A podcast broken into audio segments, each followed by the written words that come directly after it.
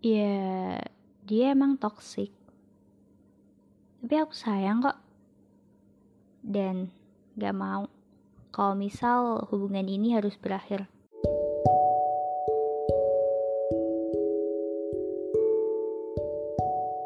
Hai apa kabar? Selalu sehat dan bahagia ya. Asal jangan pura-pura bahagia di podcast kali ini, Asa dan Rasa bakalan bahas tentang toxic relationship. Kenapa aku harus bahas ini?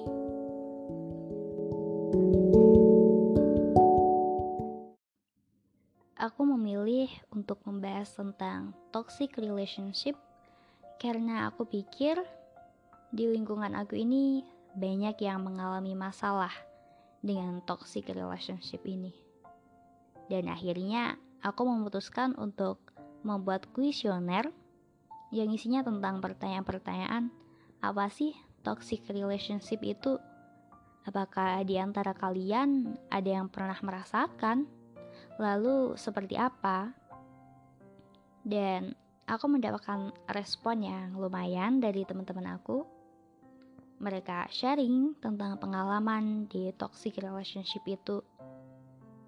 Secara garis besar aja, toxic relationship menurut mereka itu intinya hubungan yang gak baik, gak sehat, yang kasar, kayak beracun gitu ya. Namanya aja toxic, jadi gak ada dampak positifnya.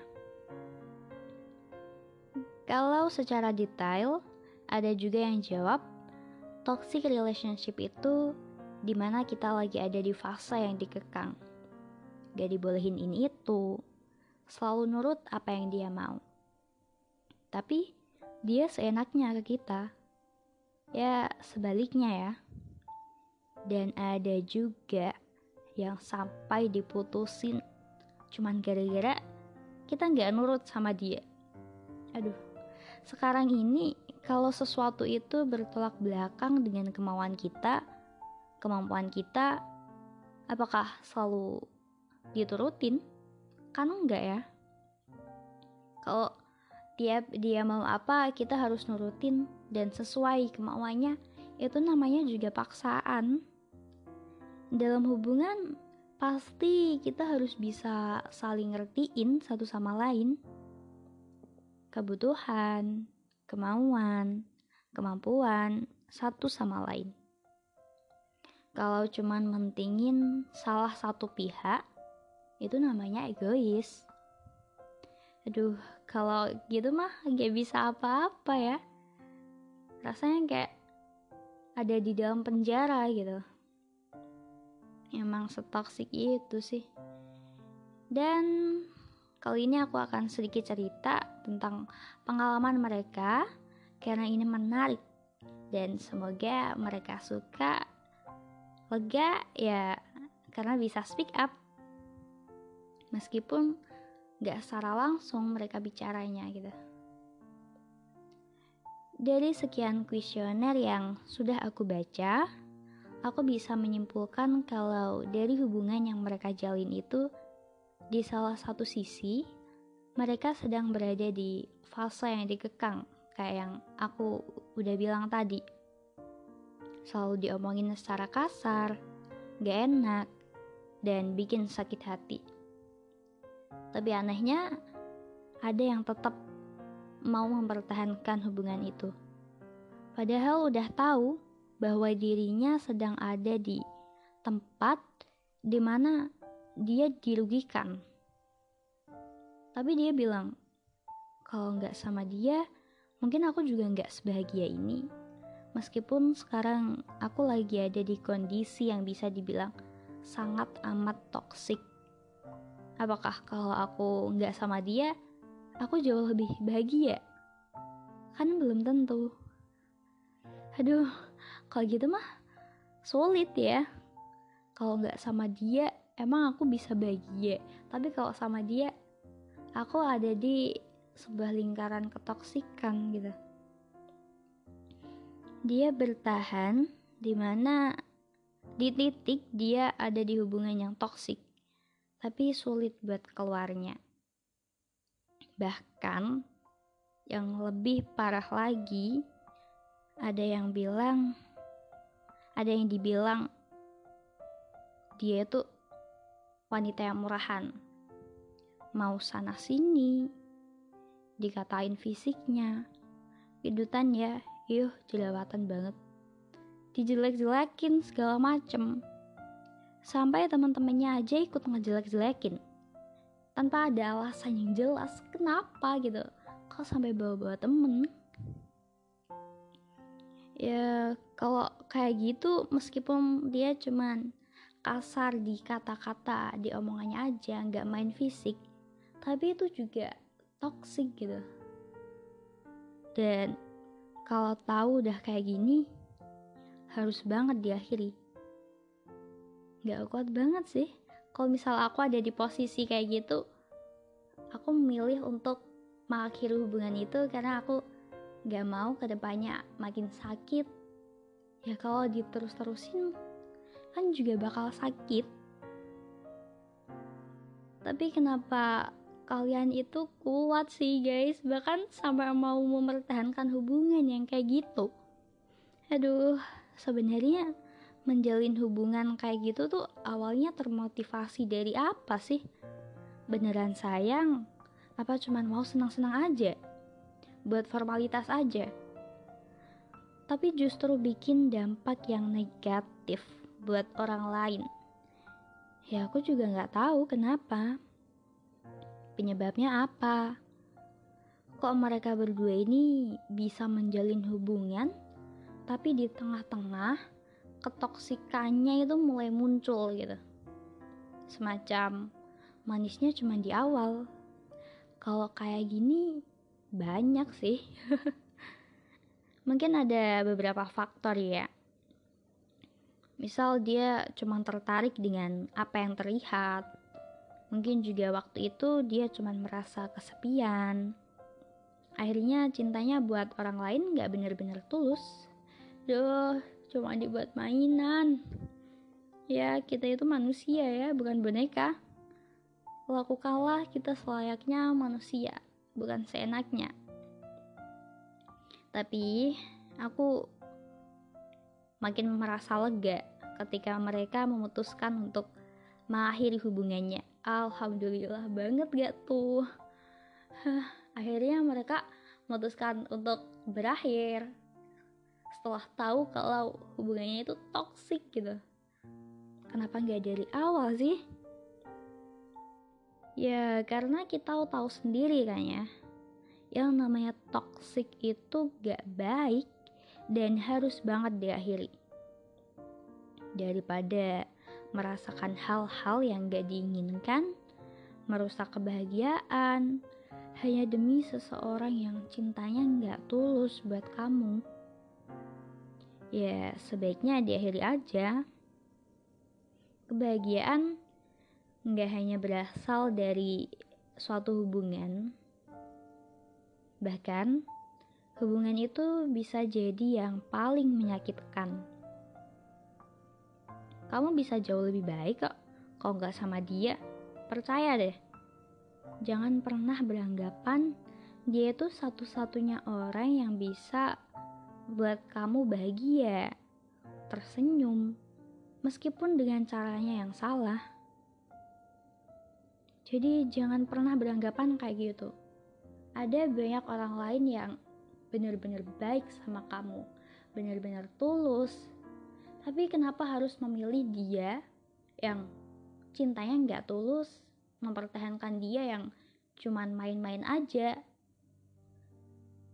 kalau kayak gitu lebih baik lupakan dan temukan orang yang benar-benar tulus sama kamu.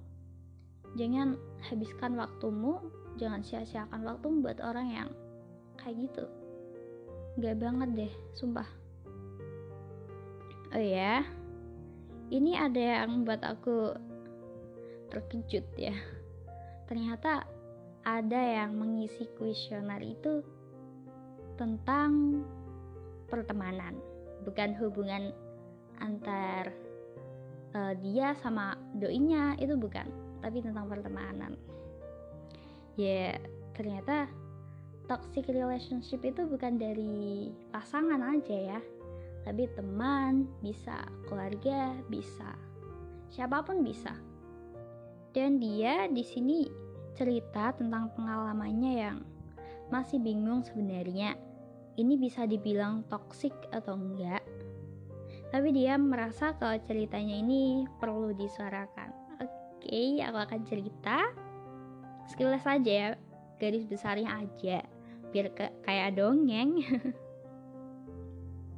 jadi dia itu dulu tepatnya ketika SMP menjalin sebuah hubungan pertemanan atau bisa dibilang circle ya. Yang di dalamnya itu ada beberapa orang gak aku sebutin berapa dan berhubung tiap tahun di rolling kelasnya akhirnya mereka pisah dan mencar di kelasnya yang baru. Awalnya sih masih main biasa aja masih sering-sering kumpul gitu tapi lama-lama kok makin jauh ya ada yang gabung ke circle barunya tapi dia masih ada di circle lamanya itu tadi.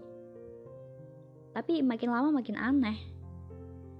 Dan yang waktu di rolling tapi dia tetap tinggal di kelas itu malah mentingin urusan pribadinya, urusan dunianya.